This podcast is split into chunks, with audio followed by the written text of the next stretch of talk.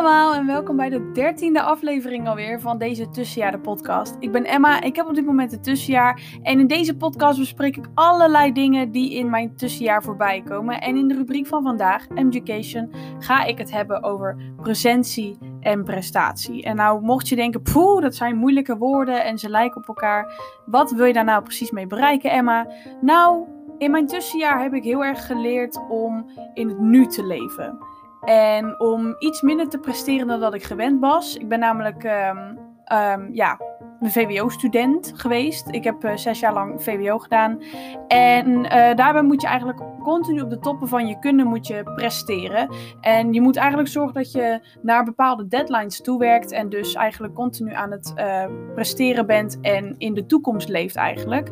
En in mijn tussenjaar heb ik echt moeten leren om gewoon chill te zijn en gewoon te denken van nou, wat goed is, is goed. En als het slecht is, dan ben ik daar oké mee.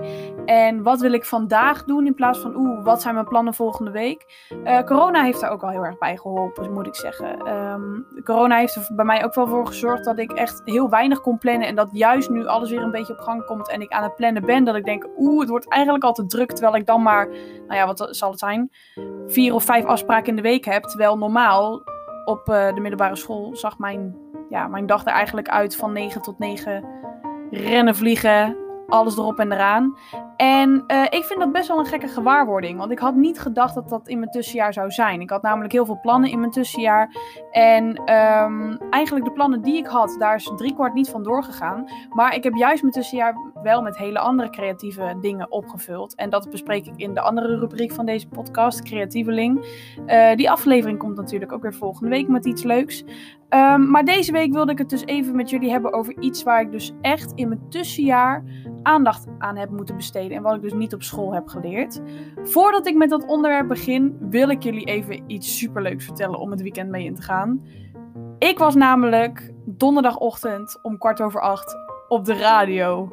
Hoe vet is dat? Ik werd door Danielle Vogels van het Tussenjaar Kenniscentrum gevraagd om een interview af te nemen bij Groot Nieuwsradio. Dat is een christelijke radiozender in Veenendaal.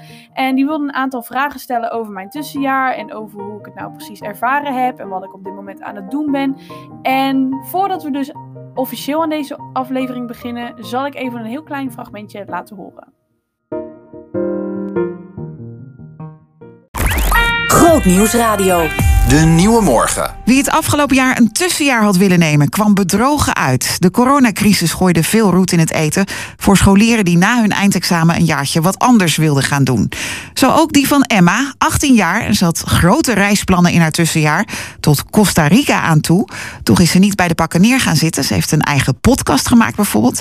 Vanmorgen vertelt ze ons daarover. Ook erbij is Danielle Vogels, oprichter van het Tussenjaar Kenniscentrum, dat onder meer op scholen advies geeft over de invulling van een tussenjaar, dat er wellicht voor velen ook nu weer aan zit te komen.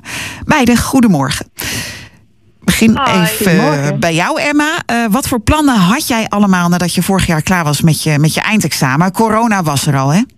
Ja, zeker. Poeh, dat waren er wel een hele hoop. Ik zou uh, naar Costa Rica gaan om te reizen. Ik zou uh, een weekje Londen doen. Ik zou een weekend naar Disneyland Parijs gaan. En ik zou ook nog gaan interrailen door Europa. Ja, klinkt goed. Ja. en toen uh, kon er niks? Nee, helemaal niet. Nee, alles geschrapt. En, en even voor mijn beeld, ben je iemand van het glas half vol of half leeg?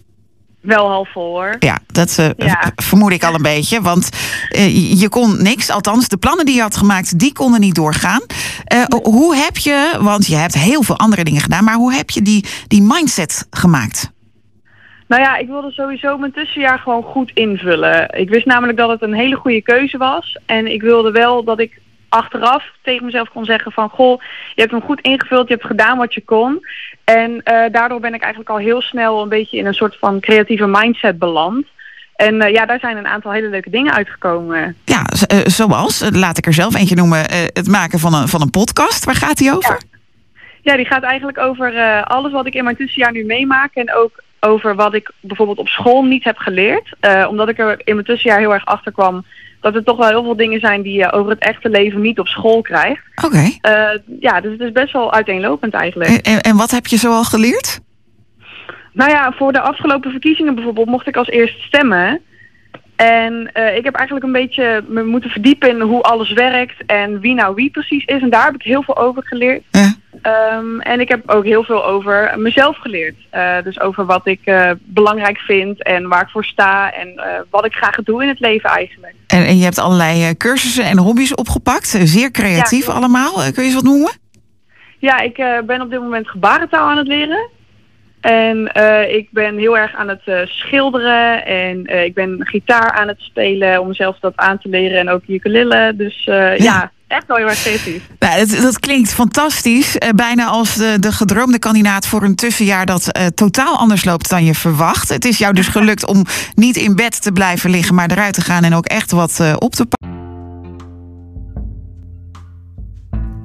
Nou, dat is toch leuk? Ja, ik vind dat echt super leuk. Het was ook echt een heel mooi interview. En eh, het is wel een beetje abrupt afgekapt natuurlijk. Omdat eh, ik niet de volle 10 minuten ga laten horen in deze podcastaflevering. Maar mocht je het toch leuk vinden om eh, mijn verhaal te horen. Dan zal ik het linkje van ehm, de download wel heel eventjes in mijn ehm, beschrijving van deze podcastaflevering zetten.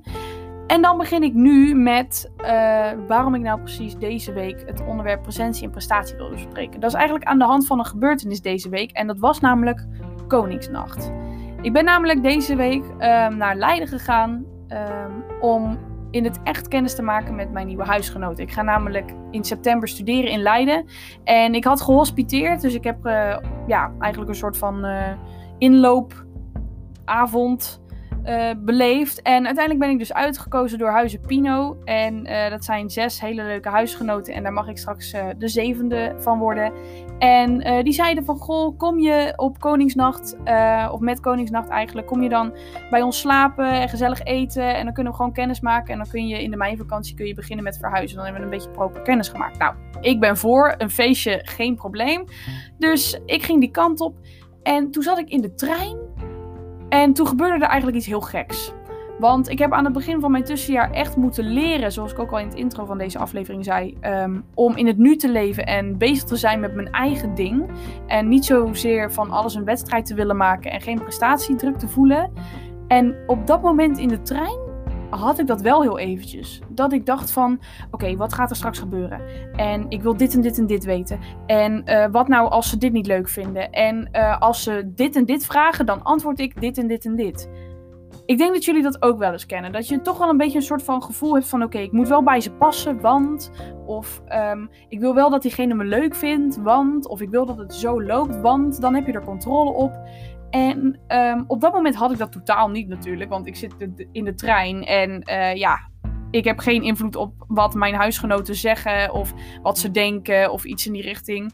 Ehm, maar op dat moment was ik dus heel erg bezig met de toekomst. Dus dat is dus totaal geen presentie. En was ik echt alleen maar bezig met... eh, ja, als ze dit nou zeggen, dan antwoord ik dit... want dan vinden ze me vast wel leuk. En dat heeft dus heel erg te maken met die prestatie. En toen dacht ik, wow, dat heb ik al een tijdje niet meer gehad. Ik denk de laatste keer dat ik dat echt, echt heel erg heb gehad... is aan het begin van mijn tussenjaar. Omdat ik natuurlijk heel veel plannen had. Zodat je, zoals je ook al in dit ehm, radiostukje hoorde... Ik had heel veel plannen. En eh, toen dat allemaal wegviel, toen moest ik echt leren om met de dag van vandaag bezig te zijn. Omdat ik totaal niet wist wat ik in mijn tussenjaar verder kon gaan doen. Dus ook geen ja, toekomst echt zag. Ehm, en ik wilde heel graag een beetje meer met mezelf bezig zijn. En ik vond het namelijk heel lastig om niet alles te delen op sociale media. Of om continu sociale media bij te houden voor anderen. Ehm, en daarom had ik dus ehm, eigenlijk met mezelf afgesproken van kijk eerst eens naar jezelf. Wat wil jij? Zonder dat iemand een mening heeft of zonder dat je denkt dat iemand een mening daarover heeft. Wat wil jij heel graag doen in je tussenjaar? En eh, dat is ook even een tipje tussendoor. Ehm, mocht je heel veel moeite daarmee hebben, dus mocht je toch wel heel erg eh, denken aan de meningen van anderen en mocht je toch wel een beetje voor, voor je gevoel van, eh, van week naar week leven en niet van dag tot dag, ehm, dan is echt een hele goede tip van kijken naar wat jij zou willen. Stel jij was alleen op de wereld. Wat zou jij dan willen? Wat zijn je dromen? Wat zijn je ideeën? Ehm, wat wil jij graag uitstralen? Hè? Ik bedoel, eh, er zijn ook heel veel eh, dingen die bijvoorbeeld wel acceptabel zijn in jouw omgeving, maar ehm, toch niet zozeer passen.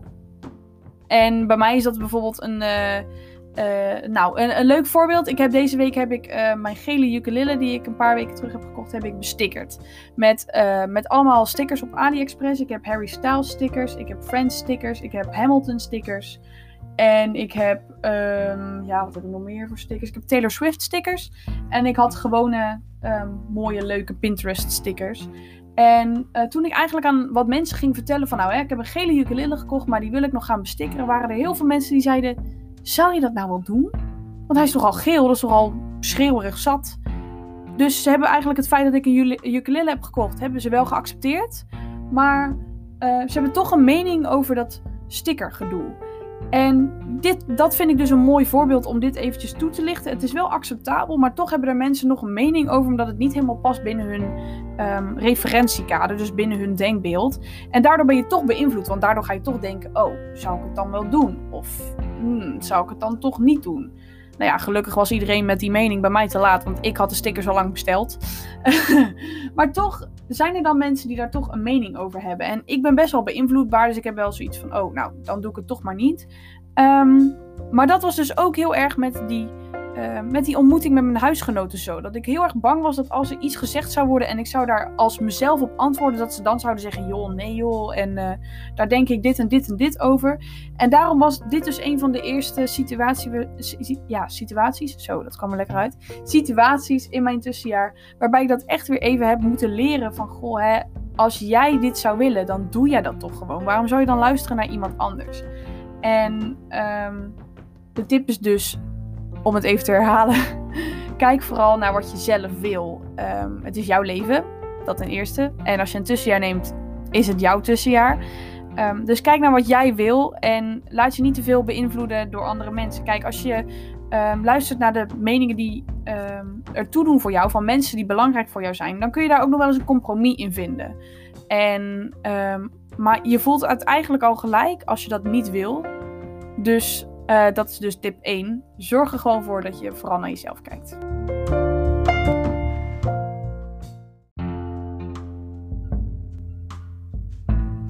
Tip 2 heeft eigenlijk een beetje te maken met wat ik net heb gezegd. Dat gaat namelijk over sociale media. Wat ik heel erg merkte um, toen mijn school ermee stopte uh, vorig jaar maart, omdat ik natuurlijk geen eindexamen hoefde te doen, um, merkte ik dat omdat corona zo vaak in het nieuws kwam en vooral die um, sterfgevallen en uh, besmettingsgevallen elke dag eigenlijk werden benoemd, werd ik daar heel erg bang en angstig van. En ik weet nog dat ik op Koningsdag vorig jaar eigenlijk de hele dag gewoon op de bank heb gezeten.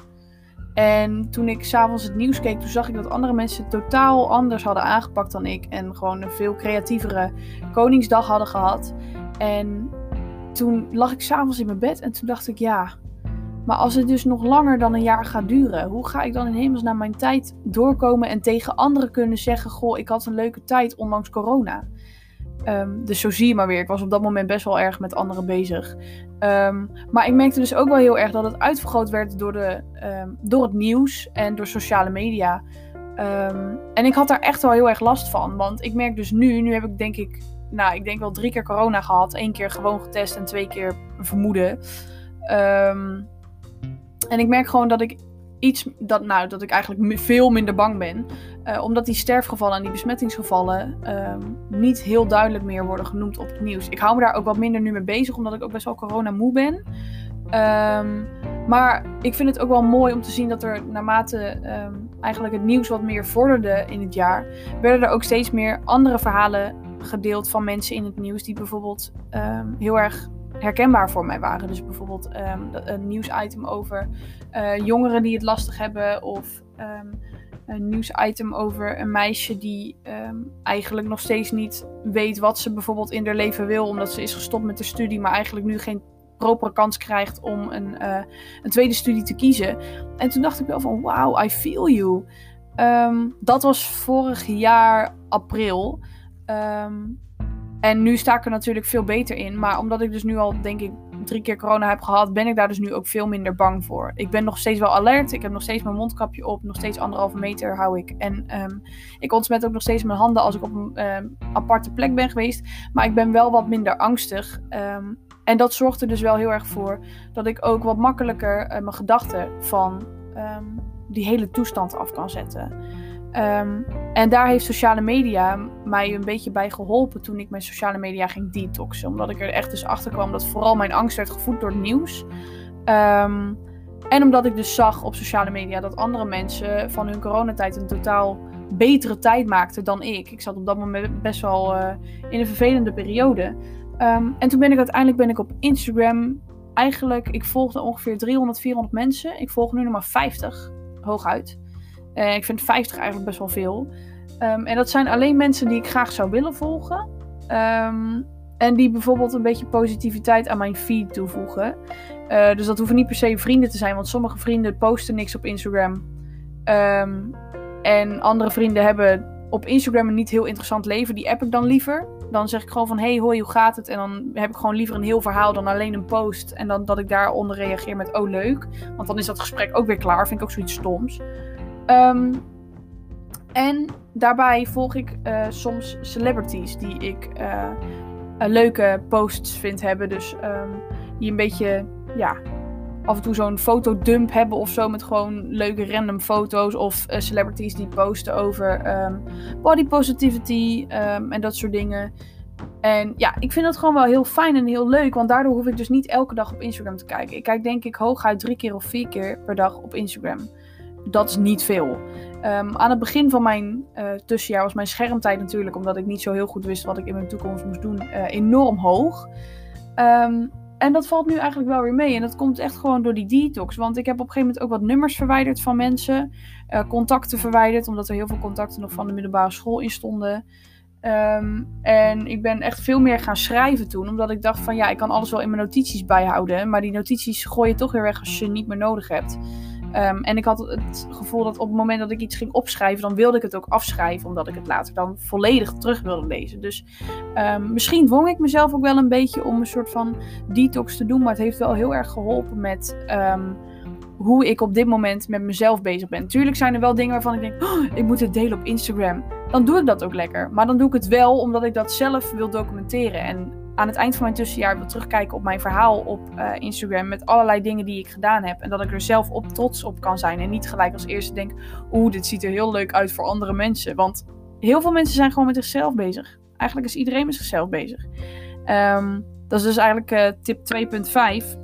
Bedenk je gewoon dat eigenlijk iedereen met zijn eigen ding bezig is. Dus ook op sociale media. Ze posten het alleen omdat zij willen dat zij dat uitdragen naar andere mensen. Het gaat niet over, oh ik wil dat jij dit ziet. Nee, het gaat over hoeveel mensen ze kunnen bereiken, hoeveel likes ze kunnen krijgen. En daarom is die sociale media detox dus echt wel heel erg fijn. Um, het kost vaak echt maar een uurtje. Het ligt er ook aan wat je wil detoxen. Ik heb toen in één dag eigenlijk mijn hele telefoon gedetoxed, omdat ik toevallig ook een nieuwe telefoon kreeg. Um, dus bij mij heeft dat heel erg geholpen.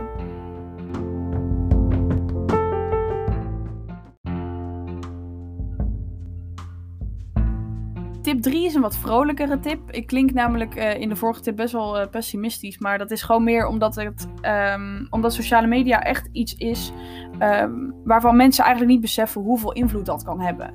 Uh, omdat het heel gebruikelijk is. Het is heel gewoon om nu een Instagram en een Facebook-account en Snapchat en WhatsApp en al die apps te hebben op je telefoon.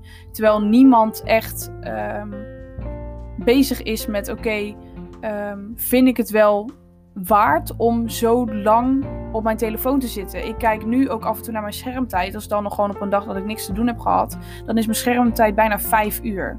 Nou, dan heb ik hoogstwaarschijnlijk wel een serie gekeken. Dus het is niet zo dat ik vijf uur lang alleen maar op TikTok zit en alleen maar dingen aan het regelen ben of alleen maar aan het appen ben. Nee, dan ben ik waarschijnlijk ook wel iets anders aan het doen. Of dan heb ik bijvoorbeeld heel lang muziek geluisterd. Dat telt hij dus ook als schermtijd blijkbaar. Um, maar dat zijn wel getallen waar ik op een gegeven moment naar ga kijken en waar ik me zorgen om maak. En ik heb echt het idee dat heel weinig mensen dat doen, omdat nu de mogelijkheid om met elkaar te kunnen praten via je telefoon is.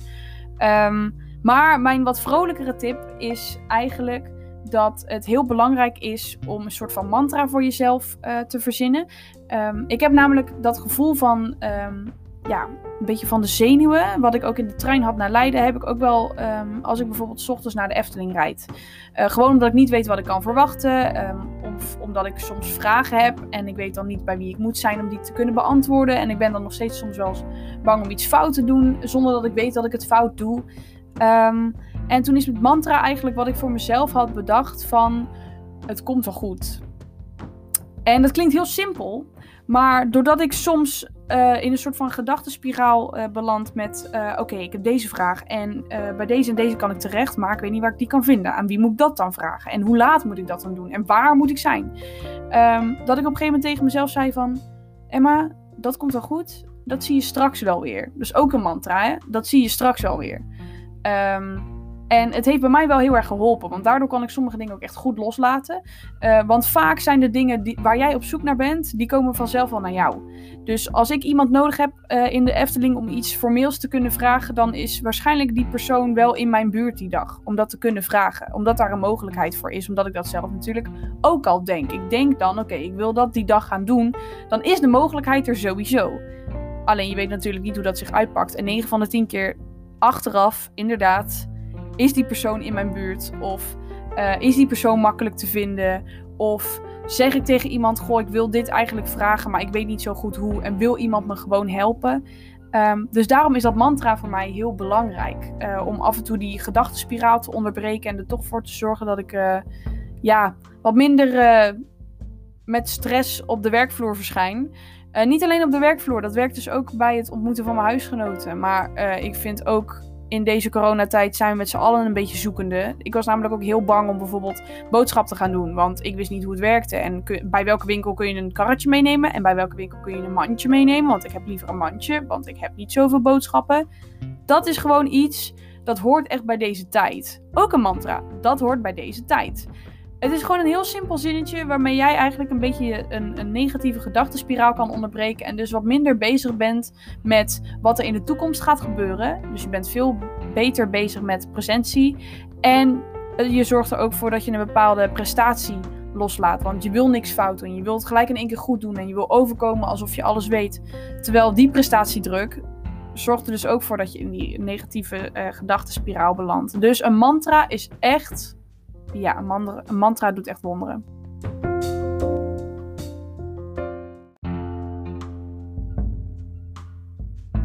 Tip 4 is eigenlijk heel simpel als je een beetje hetzelfde bent als ik. Uh, ik heb namelijk heel erg de neiging om Um, als ik een beetje het gevoel heb dat ik uh, te veel met mijn toekomst bezig ben, of als ik het gevoel heb dat ik toch een soort van wedstrijdje wat niet bestaat aan het bedenken ben, dat heeft bij mij ook wel met prestatie te maken. Ik ben echt iemand die bijvoorbeeld al heel snel zoiets heeft van, oh, ze ziet er veel leuker uit dan ik, of oh, deze had een hoger cijfer, of ook dat social media uh, gedoe eigenlijk van, oh, het leven ziet er veel leuker, leuker uit, weet je. Maar dat is totaal iemand anders. Je bent op een gegeven moment appels met peren aan het vergelijken. Uh, dus dat heeft helemaal geen nut.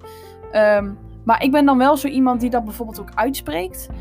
Um, dus op het moment dat ik bijvoorbeeld heel erg um, zenuwachtig ben, omdat ik niet zo heel goed weet wat uh, de toekomst, uh, nabije toekomst dan mij gaat brengen, dan zeg ik dat ook vaak tegen mensen van, oh ik vind dit toch wel spannend, of oh ik heb dit nog nooit gedaan, of iets in die richting. Ik zeg nooit tegen mezelf, voordat ik ergens aan begin, oh ik zal hier vast wel heel erg slecht in zijn daar had ik echt wel een soort van habit voor. Dat deed ik echt wel op de middelbare school. Omdat je dan um, toch wel het gevoel hebt dat je je nog moet verantwoorden naar je medeklasgenoten. Um, op een manier. Maakt niet uit wat. Maar als je zoals ik werkt, dan herken je dat wel. Dat je zoiets hebt van nou. Uh, uh, stel ik heb een 2 gehaald voor een toets. Dan wordt er al heel snel gevraagd waarom. En dan moet je al heel snel zeggen van ja, ik had niet geleerd. Terwijl je eigenlijk wel heel hard geleerd had en je het gewoon niet snapte. Um, maar dan werd er al heel snel een wedstrijdje van gemaakt. Van goh, hè, oh, ik heb een hoger cijfer dan jij. En dan moesten zij dus ook verantwoorden waarom ze dat hogere cijfer hadden. Van oh, de toets was echt makkelijk. Um, maar op het moment dat ik eigenlijk meer bezig ging zijn met um, het leven in het nu. Um, zei ik eigenlijk wat vaker van tevoren van oké, ik heb dit nog nooit gedaan, dus ik weet niet wat de uitkomst gaat zijn. Ik zei op een gegeven moment niet meer van oh, ik ga hier echt slecht in zijn, want ik heb het nog nooit gedaan. Dus zo'n momentje van zenuwen bijvoorbeeld um, in de trein, dat kan ik op dat moment aan niemand kwijt. Maar op het moment dat ik eigenlijk bij mijn huisgenoten aankwam en uh, ze eigenlijk vroeg van nou, hè, heb je er een beetje zin in? Dan zei ik gewoon van ja, eigenlijk wel, maar ik vind het wel heel erg spannend. Punt. Dan heb je eigenlijk al een deel van hun begrip. Want al mijn huisgenoten antwoorden met: Oh joh, dat hoeft helemaal niet, komt wel goed. En op een of andere manier word je dan toch wel een beetje gerustgesteld. En um, ja, om het voorbeeld te nemen van uh, een leidinggevende die ik zoek op, uh, in de Efteling en ik weet niet waar ik die kan vinden. Um, ik zeg er dan gewoon bij van ja, ik ben hier nog nooit geweest. Of uh, ja, ik heb geen flauw idee waar ik die en die moet zoeken. Um, dan zijn er al heel snel mensen die je graag willen helpen. Dus uh, om gewoon uit te spreken dat je een beetje onzeker bent over wat de toekomst je gaat brengen. Of om uit te spreken uh, dat je het idee hebt dat je erg bent. Ja, erg bezig bent met het vergelijken van een bepaalde situatie of jezelf met iemand anders. Spreek het gewoon uit, want heel veel mensen zeggen gewoon al vanuit zichzelf: joh, dat hoeft helemaal niet. Of die proberen je gerust te stellen.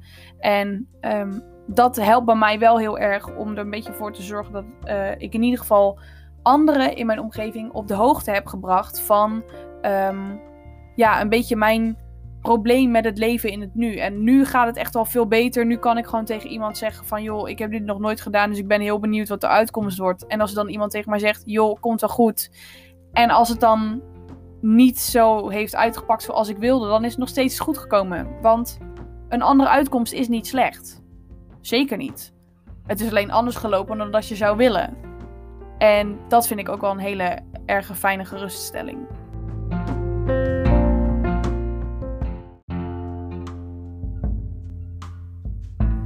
Als laatste tip heb ik een hele korte tip. En dat is namelijk doe ademhalingsoefeningen. Als je merkt dat je in een beetje een negatieve gedachtenspiraal terechtkomt.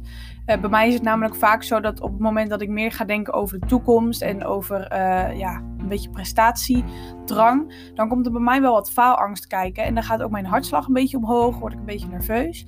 En daarbij helpen bij mij um, ademhalingsoefeningen heel goed. Um, ademhalingsoefeningen heel goed, sorry. Um, en dat is eigenlijk omdat je op dat moment, als je je focust op je ademhaling, dan zit je veel meer in het moment van nu. Dan wanneer je dat bijvoorbeeld niet doet en alleen maar bezig gaat zijn met scenario's in je hoofd bedenken of uh, hele gekke dingen denken. En dat is gewoon super zonde. Dus bij mij helpen ademhalingsoefeningen ook heel goed als ik toch merk dat ik uh, iets te veel in mijn zenuwen zit. En daarbij, als het allemaal niet echt helpt en je hebt zoiets van, nou, hè, ik heb toch wel een, een vorm van faalangst of ik voel toch nog steeds een beetje um, de drang om uh, een wedstrijd van alles te maken en optimaal te presteren en ik ben wel heel erg met de toekomst bezig, dan is professionele hulp natuurlijk ook altijd een optie. Um, verder wil ik zeggen dat het niet erg is om een gevoel van prestatiedrang te hebben of totaal niet in het nu te zitten.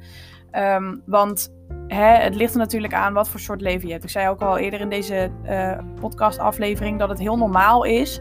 Um, alleen omdat ik op dit moment juist heel erg gedwongen word om uh, gewoon met de dag van vandaag bijvoorbeeld bezig te zijn.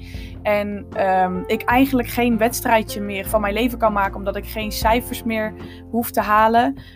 Merk ik gewoon dat ik dat heel erg prettig vind. En daarom ben ik zo iemand die daar echt een oplossing voor heeft gevonden om dat zo te blijven houden. Dus ook straks voor het studeren hoop ik echt deze tips voor mezelf aan te houden. Want anders dan uh, word ik weer die uh, middelbare schoolleerling.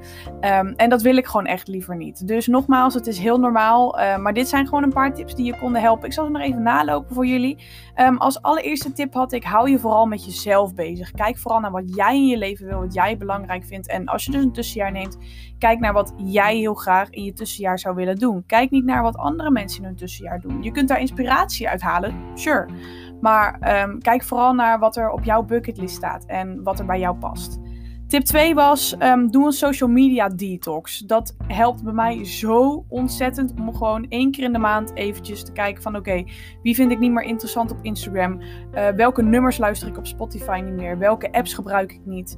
En dat zorgt echt zo voor een wat leger hoofd, waardoor je dus ook minder op je telefoon gaat kijken. En dan leer je jezelf ook veel beter van maken. Dus dat is echt mijn top tip van deze podcast aflevering.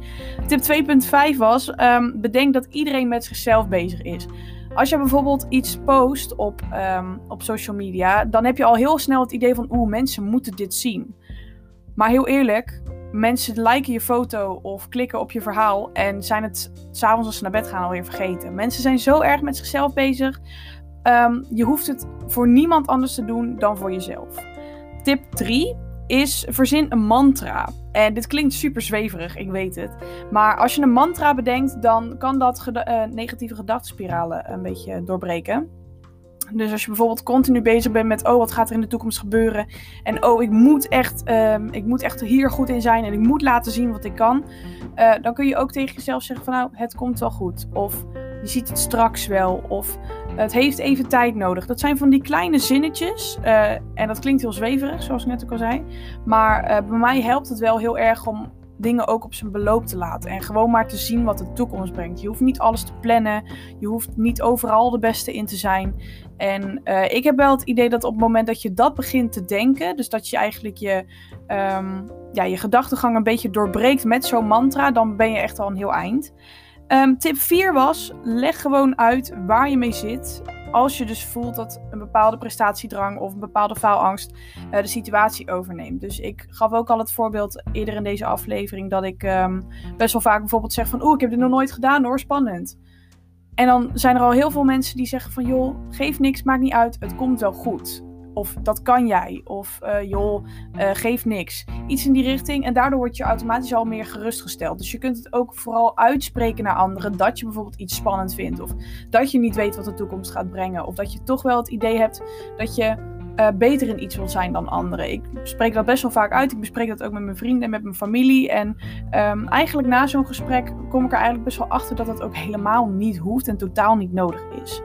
Als allerlaatste tip had ik zoek professionele hulp of zoek ademoefeningen op. Um, ja, dit is een beetje een, een hele zware tip. maar um, het is wel zo dat uh, prestatiedrang en um, een beetje ja, het gevoel van niet in het nu zitten vooral gepaard gaat met, um, met faalangst. En bij mij is het zo dat als ik een beetje een faalangstmomentje krijg, dan word ik nerveus. dan ga ik wat uh, zwaarder ademen, gaat mijn hartslag een beetje omhoog. En dan doe ik dus ademhalingsoefeningen, zodat ik wat meer in het nu zit. En zodat ik wat meer focus op wat ik nu voel. En over hoe ik nu ja, eigenlijk een beetje met mezelf bezig ben. En dan op een gegeven moment merk ik wel dat ik wat rustiger word. En dan herhaal ik dus mijn mantra een paar keer voor mezelf. Um, en dan ben ik eigenlijk wel weer oké. En dan zorg ik gewoon dat ik me op iets anders focus. Dus dan luister ik een beetje muziek. Of dan ga ik even tekenen of schilderen of iets in die richting. Um, en als dat natuurlijk allemaal niet helpt en je hebt toch een bepaalde vorm van faalangst ontwikkeld die je een beetje aan blijft houden, zoek dan gewoon professionele hulp. Want er zijn mensen die je vast veel beter kunnen helpen dan ik. Um, dus dat is het altijd zeker waard. Dus dit waren al mijn tips um, in deze podcastaflevering.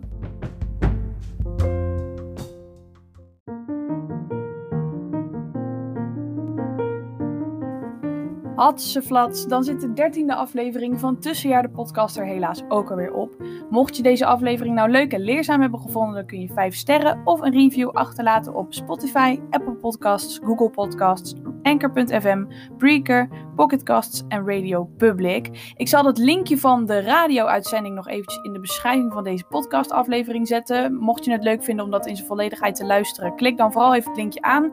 Je komt dan op de site van het Tussenjaar Kenniscentrum met het artikeltje waarin ik sta. En dan kun je eigenlijk de audio al gelijk aanklikken. En dan hoop ik jullie volgende week gewoon weer te zien. Ik zit alleen wel op dit moment midden in een verhuizing. Dus ik heb nog geen flauw idee waar ik de aflevering van volgende week over zal doen. Of hoe lang die gaat duren. Dat zou best wel een korte aflevering kunnen zijn. Maar in ieder geval ben ik er volgende week gewoon. Um, daarnaast hoop ik dat jullie ook gewoon lekker genieten van het lekkere weer. En van de meivakantie natuurlijk. Als je uh, vanaf vandaag meivakantie hebt. Uh, geniet van het leven ook. Maar let op je gezondheid. En dan zie ik jullie graag volgende week. Dikke kus.